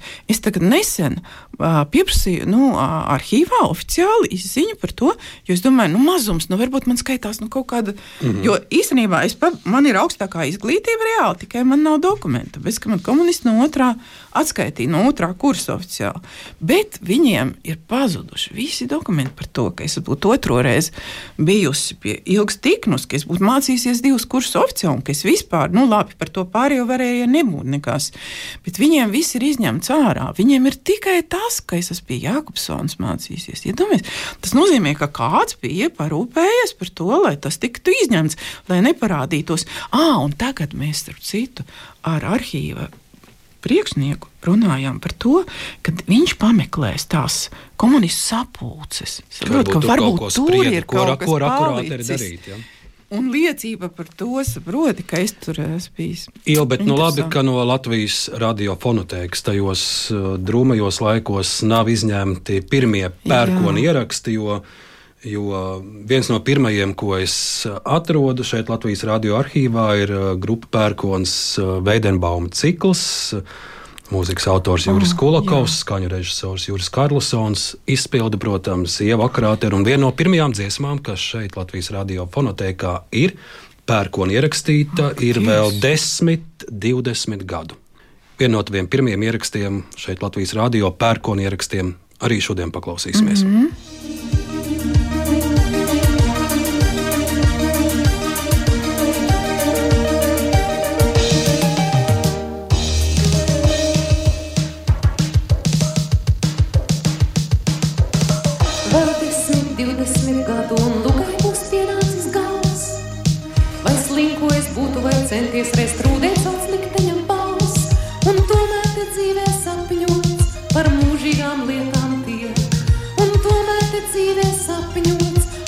Par mūžīgām lietām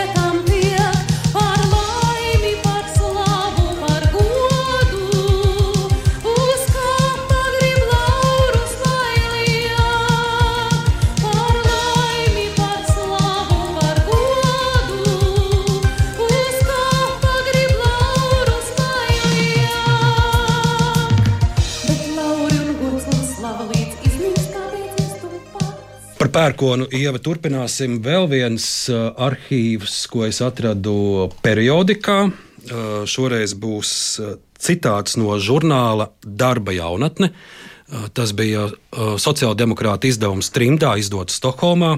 1985. gads, lūk, jau arī to, š- šo rakstu tu redzi, un, un tā nosaukums ir roka mūzika Latvijā. Diezgan pamatīgs apraksts, tur ir zinošs cilvēks. uh, kā Kāds teikt, gads te- 85. vēl tie tumšie laiki. Jā. Un te ir pamatīgs apraksts, kas notiek ar, ar, ar, ar, ar mūziku Latvijā, un, mm -hmm. un, un, un kas ir atļauts un kas ir aizliegts. Mm -hmm. Arī mazs citāts. Roka mūzika Latvijā sāk ieviesties 50. gadu beigās, neraugoties uz padomu varas iestāžu liktajiem šķēršļiem. Latvijas jaunieši ar radio, jūrnieku un rādu starpniecību ieguva informāciju no rietumiem un paši centās veidot kaut ko tādu, kas atbilst laikmetīgu un brīvi domājošu cilvēku tieksmēm un prasībām pēc modernās mūzikas. Pērkons latviešu modernajā mūzikā ienāca dārdādams ar savdabīgu oriģinālu repertuāru, ar ekspresīviem roka mūzikas ritmiem, īpatnēju teātrālu priekšnesumu. Pērkona nolūks būt aktuāliem, runāt par to, kas satrauc, runāt tieši un atklāti. No mūziķiem īpaši izceļama solisti Ieva Kurātere, kur ikdienā strādā operetes teātrī, un ar savu balsi ir uh, maisījums starp uh, Nina Hagenu, Džonu Baizu un Janis Joplin.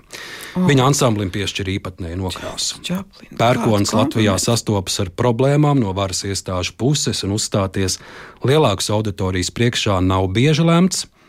Pērkona dziesmās bieži strāvo divdomības elementi. 85. gadā tā raksta žurnāls Darba jaunatne Stokholmā. Es domāju, ka šo rakstu toreiz lasīja neviena darba jaunatne Stokholmā, To neesmu bet arī. BDK vīri Jā, uh, jā. stabilā Es arī noteikti šo jā, lasīja. patika. un, un ievējā kurāterē droši vien arī un pērkonam varēja būt kādas sekas pēc šādām mm, uzslavām nu, tas trimdas presē. ne? būt, Jā. jā, jā, protams. Jā. Un viens no sekām bija arī tādas, ka ir viens posms pērkonim, ka tie pat ir vairāk jums ir bijuši. Es lasīju, vairākas reizes aizliedz. uzliek uz jā. bremzēm. Jā, jā, m- m- mums divreiz aizliedza. Tātad pirmo reizi es tagad vairs neatceros par ko, bet- otrreiz bija tas, tas slavenais tas ogres koncerts, ko Juris Podnieks pilnīgi nejauši nofilmēja, tāpēc, ka viņi braukuši no kaut kādas filmēšanas no Latgales, un Jurim bija nojaut, ka jā, jāapstājas un jānofilmē. Nu, lūk, un, un tad viņš iekļāva to tajā filmā, vai viegli būt jaunam. Un, protams, trācis bija liels un milzīgs, un mūs uzreiz eh, arī aizliedza. Bet tas tieši tas, tas viss kā notika, viss ļoti tā kopā.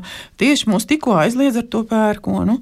Un tieši eh, nu, mana pirmā vīra, Sergeja, kurš, kurš bija eh, riktīgais disidents, viņam bija pat iesaukts cepelīns. Viņš bija kontaktpersona eh, cilvēkiem no, no Padazemes, kā man tīk teikt, Anšlā Veglīša stilā Padazeme. Mm. Un arī no ārzemju latvieši pie viņa brauc un kontaktējās ar pārējiem, kas cīnās par, par Latvijas brīvību. Un, un tur bija viens no viņa draugiem, Alfreds Stinkuls, varbūt ir zināms, tas viņš arī grāmatu nesen uzrakstīja par tiem Latvijas hipijiem, kas praktiski bija tā kā mm, visi tādi brīvdomātāji. Un, uh, un lūk, un viņš gribēja, Stinguls gribēja tikt prom, un Mārs Trautmani no, no, no tā Stokholmas brī- brīvā radio bija atbraukuši šeit, lai apprecētos fiktīvi ar viņu, lai viņš tiktu uh, projām no, no Čekas. Viņš tika vajāts. Un, un, un, Un tikko es biju uzzinājis, ka pērkons ir aizliegts, un, un bija tās stinkula kāzas, un, un mēs jau gājām pie brīvības pieminekļa svinēt, tāpēc, ka bija ārzemnieki, tur vairāk ārzemnieki arī tāds flats no, no, no Lietuvas, un, un, un, un vīriešiem visiem gari māti, protams, un prievītes. Un e, mani vienaudži atceras, ka toreiz bija uh, trolēbus gāja gara, gara brīvības pieminiektu abās pusēs. Un iedomājieties, mēs tajos laikos, tikai neprasa man precīzi to gadu, lūdzu. 85. varēja būt. Jā, nu, kaut kas tāds, nu, tikko tas pērkons tur jāprasa daigiem mazvērsītē. Viņa manā grāmatā ir ierakstīts pareizi visus tos gadus. Respektīvi, mēs ā, ejam pie tā pie- pieminekļa, nolikt ziedus un svinēt tās kāzas, un abās pusēs tādi milzīgi pūļi ar cilvēkiem tādiem bailīgiem sastājušies un skatās, šausmās uz mums. Un netālu stāv viens tāds īsts čekis, tādā īstā čekista formā. Viņam bija melns ādas mētelis, melnādas cepura un pelēka sēja. To, bet viņš nevarēja nākt klāt, tāpēc, ka bija arī ārzemnieki. Nu, lūk, un tādā vakarā mēs svinējām pie Stinkula tās kāzas, un es mēģināju filozofēt par sievietes uh, vietu kosmosā, uh, angliski, ar savām angļu valodas toreizējām zināšanām.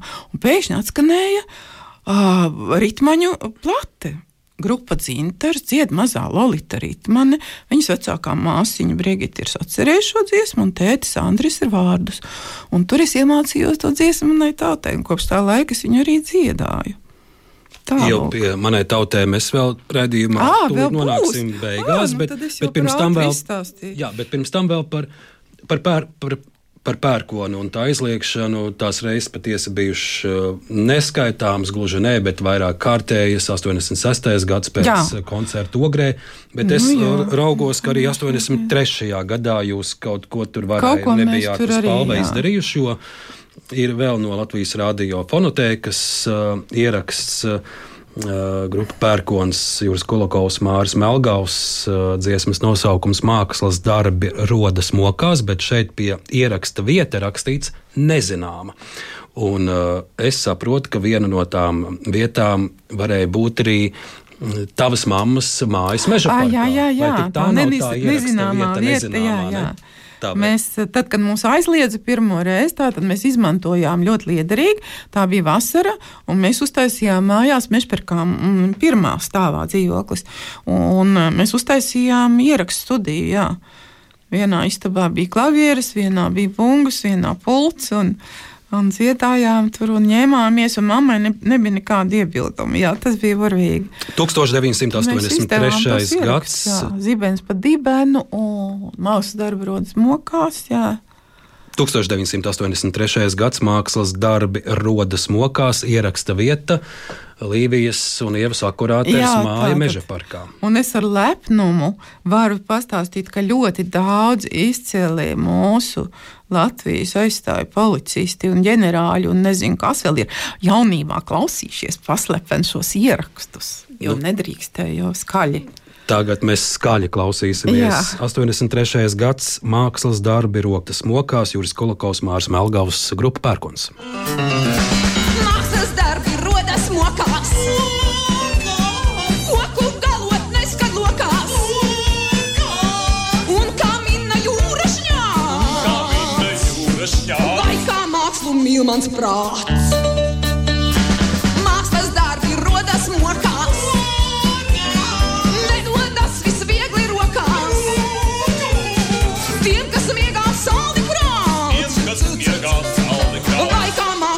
sjömansbrak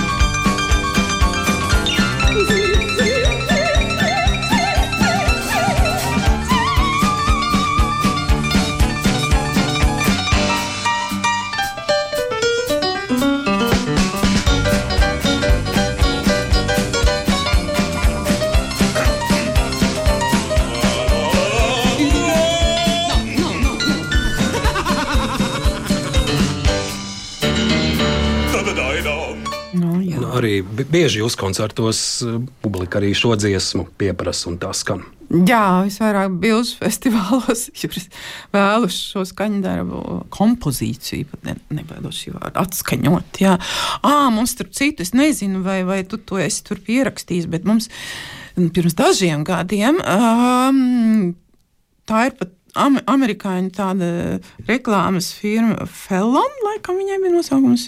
Tur viens latviešu izcelsmes cilvēks arī strādā, un viņi bija izdomājuši, jo viņiem, viņi, teiksim, apguva jaunu tehnoloģiju, kas pat nevis 3D, bet tad, virtuālās realitātes filmēšana. Un radīja filmu par pērkonu. Jā, jā, tas ir pierakstīts. Tas man ir pierakstīts, un es pat viņu esmu pirms šī raidījuma arī noskatījos.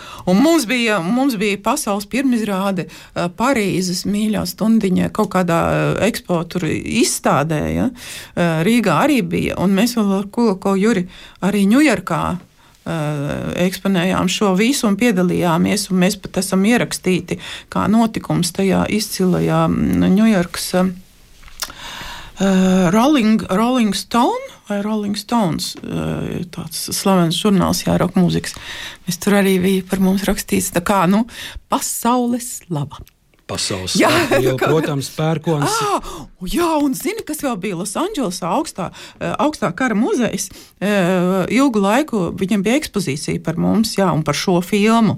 Tā kā, nu, tiešām, mm. nu, vienkārši super. Mēs ļoti priecājamies par to visu. Jo, protams, pērkons ir liela daļa Jā. no tavas mūziķis dzīves, bet, bet ir arī bijušas dažādas citas sadarbības gan ar Latvijas komponistiem, gan Jā. kā remonts un uh, nebijušu sajūtu, restaurēšanas darbnīca un Jā, simulācija un dāmas pops un, un vēl un vēl. Bet, bet no Latvijas radio fonotēkas es izvēlējos vēl vienu ierakstu, lai šodien to atskaņot. Varbūt Kaut ko dīvainu noteikti, jā? kaut ko, kaut ko interesantu un tādu sirsnīgu. Varbūt tās arī Ah. kopš ieraksta vairs arī nereiz nav skanējis Latvijas rādio ēterā.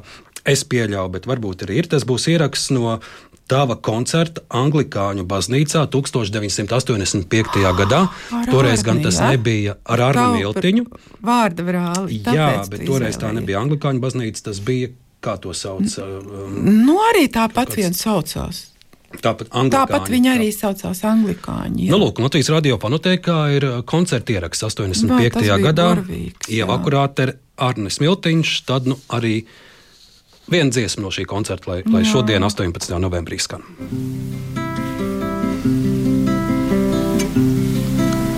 Mīldziesmiņa, mīldziesmiņa, kā man gudram būt. Mīldziesmiņa, mīldziesmiņa, kā man stipram būt. Mīldziesmiņa, mīldziesmiņa, kā man ļaudis prast. Mīldziesmiņa, mīldziesmiņa, kā man ceļu rast. Mīli, mīli, vai tu proti, mīli dzīvojot. Mīli, mīli, vai tu proti, mīli dzīvojot. Mīldziesmiņa, mīldziesmiņa, kā lai bēdu veids. Ļoti mīļš koncerts. Tikko uh, Arnim uh, tika izdota viņa dziesmu grāmatiņa, un mēs mazajā ģildē arī kopā dziedājām. Tur arī Andris Hērgls piedalījās un, un Laimiņa, viņa meitiņa. Mēs arī šo dziesmu viņa tur cietājām. Nu, lūk, un jau mēs uh, raidījām izskaņā īpaši šo stāstu taupīt. Tas, protams, ir dziesmas uh, manai tautai. Stāsts, kura, mm. kura, kura ir skanējusi atmodas lielākajos notikumos, arī, arī mūsu neatkarības gados, bet, bet man piesaistīja viens, viena tava intervija, kur teica, ka 86. gadā Popova, tā ir tā radiotehnikas rūpnīca kultūras namā, tu viņu esot jau dziedājis. Kā, kā tas Jā, jā. sanāca? Nu, vienkārši dziedāja un viss. Un, un, un kāda pēc Un tam nekas reakcija? traks nebija. Bet vārdi Bet palīdzi bija- Dievs un, un, un Jā, savētas. tur nezinu, kāpēc nekas nebija. Bet bija ļoti traki anglikāņos, kad es nodziedāju. Nu, to stāstu, jau, ko es izstāstīju, to, to jau mēs, tagad, es jau ieskicēju to situāciju, kā es iemācījos to dziesmu. Vienreiz es tādā popo radio rūpnīcā nodziedāju, kurā tur gadā, un nekas nezinu, kāpēc nenotika. Bet pēc tam bija anglikāņos pasākums. Un eh, ko Tija Auziņa tur regulāri uh, rīkoja visādus akustiskos koncertus. Un viņa man toreiz tajā koncertā anglikāņi lūdza, ja viņi lūdzu, lūdzu tikai neciet to māru putniņu dziesmu par staburāgu. Nu, tad, tad vispār būs tādas nepatikšanas un čeka vispār aizklipēs visu cietu. Un es turēju to solījumu, jo bija tā, tagad es atceros, tas bija 86. gads, jo Sergeju kā disidentu aktīvu čeka gribēja sūtīt uz tikko uzsprāgušo Černobiļu novākt atkritumus jā, pašā centrā, lai viņš apstarotos un drīz vien nomirtu, un tā viņi tika galā ar tiem pretvalstiskajiem elementiem. Un Sergejs bija atnācis uz koncertu, nosēdies pašā priekšā uz grīdas, un es jau zināju to, ja, ka, ka tā būs. Un viņš man saka, jau nu nodzied kaut ko, un man bija tur akača tur pretvalstiskās dziesmas māra putniņa. Un, un, un, un tūkstošiem brīnišķīgi pretvalstisku dziesmu jau. Un es, es tikai attapos pie otrā pantiņa, ka es dziedu visstrakāko no visām, kas esmu izvēlējusies. Un tad es nodziedāju to dziesmu, nu, lai atbalstītu Sergeju, lai kā sniegt viņam roku, kaut kā stiprināt. Un iedomājieties, tā publika no sākuma vairākas sekundes bija pilnīgs klusums, un tad viss tā kopā tā šu, šu. Protams, pēc tam bija tracis, tie ja asarās, es asarās, čekisti neapmierināti. Bet tad jau- Man aizliedza uz vairākiem gadiem no visiem radio, no visām televīzijām ārā, viss neko vispār. Un tad nāk 88. gads, manai tautai jau akurāteris balsīs, skan liepājas dzinterā. Jā, un Ievai tāpēc- akurāterei balss Izstāst- aizlūst. Es izstāstīšu arī. Jā. šo stāstu. Jā. Es viņu tūkstošreiz reizes stāstīju, bet es, šajā brīnišķīgajā raidījumā es gribu arī to izstāstīt, lai ļaudis dzird. Un 18. novembrī, ja nu mēs cik mīļi tas viss bija un cik dabiski, ja, Vlads Kalbergs bija jau pamanījis, ka es to dziesmu dziedu. Un Ermāns Briks ar gudru ziņu bija jau ierakstījis paklusām, bet vēl neizdevusi plati, kurā arī tā dziesma bija. Un bija liepais zintara apsveikšana, tagad uzvarētāju balvas. Un Latvijas saka, zini kā, tu izēji tur tagad kameras mm, filmē, radio raida, izēji apsveikt uzvarētājus ar šo dziesmu. Un tur bija vēl tie labvakar puiši, toreiz jau viņi vēl puiši bija, bet nu, brīnišķīgi cilvēki. Jā. Un es izēju un nodziedu tagad publika. À, nu jā, un publika, protams, sajūsmā. Un lūdzu, dziedāt otro reizi. Jānis Rušanieks pēc tam samontēja un izskatījās, ka es vienreiz dziedu, bet īstenībā es dziedāju trīs reizes. Vienreiz nodziedu, publika sajūsmā aplaudēja, prasa vēl vienreiz. Un publika bija ielenkuši miliči. Ķēde ar miličiem toreiz vēl bija. Nu, lūk, un es ietu tagad otro reizi. Un otro reizi, kad es, un es, protams, milzīgā laimē, kā mēs tik ilgi vien esam visi cīnījušies, katrs savā pagrīdē, bet domājuši vienu un to pašu domu.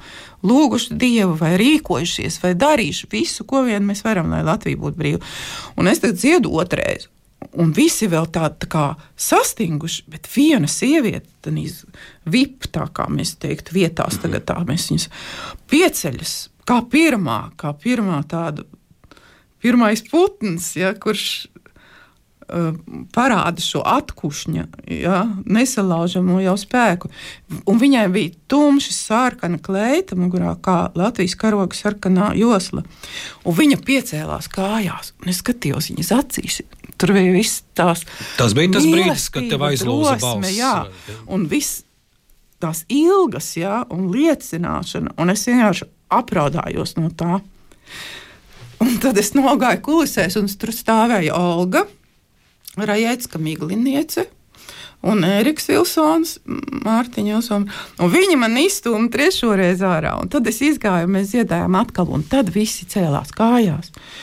Un vīriešiem mazi bērni bija uz pleciem. Viņi visi jau zināja šo dziesmu, viņi jau dziedāja. Manai tautai skanēja liepais dzinterā, un pēc tam, protams, arī meža Meža parkā parkā, un. Daugaus krasmalā un daudzos, daudzos atmodas pasākumos. Ieva arī mazs fragments no 1988. gada manai tautai skan uh, meža parka estrādē. Kinožurnāls Padomu Latvija, un šeit mēs redzēsim tās ļaužu acis, ļaužu sejas, uh, cilvēku emocijas. Un visi Daudziem pirmo reizi šo dziesmu jau. Daudziem Ja pirmo reizi drīkstot brīvi šo dziesmu dziedāt. Jā. 88. gads.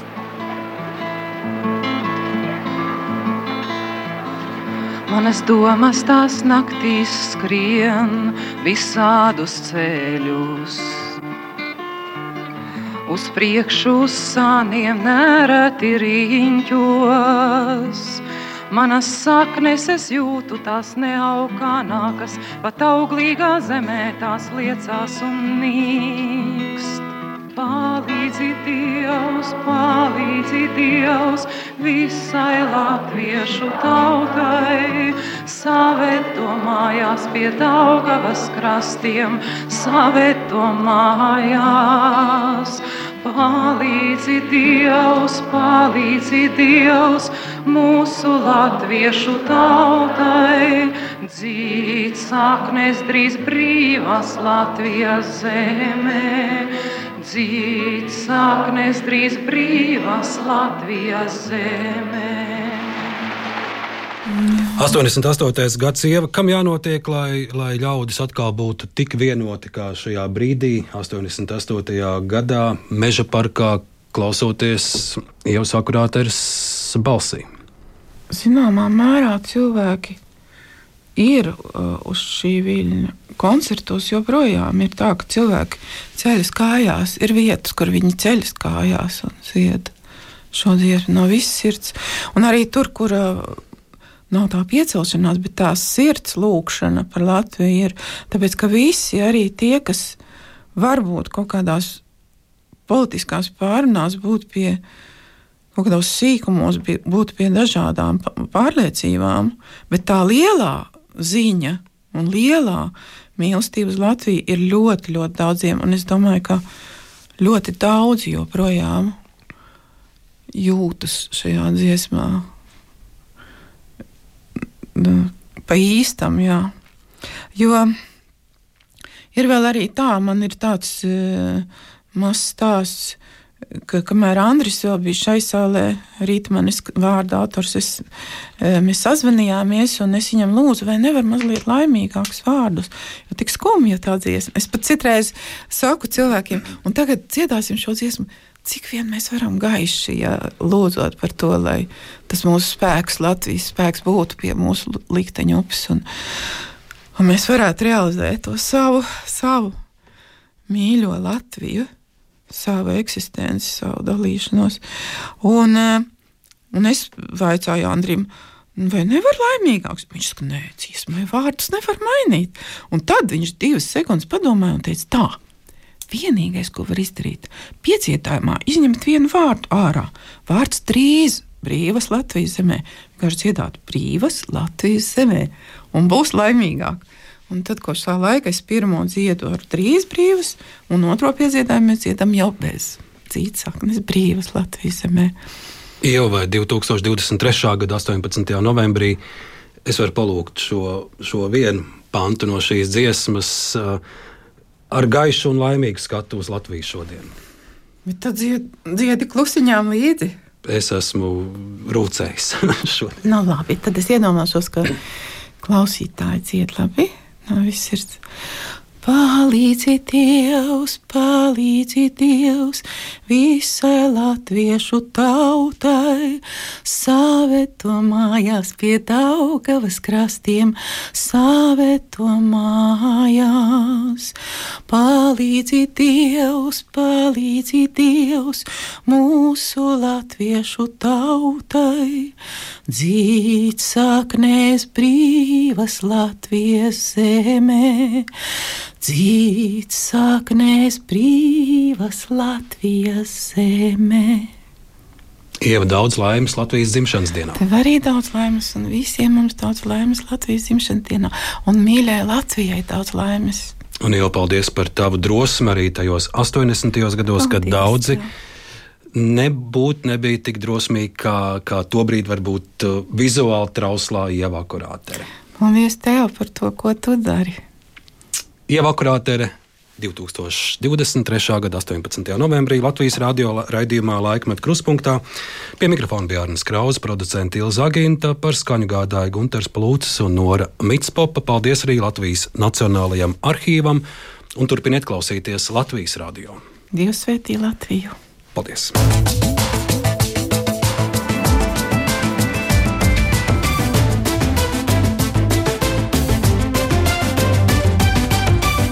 Laikmeta krustpunktā.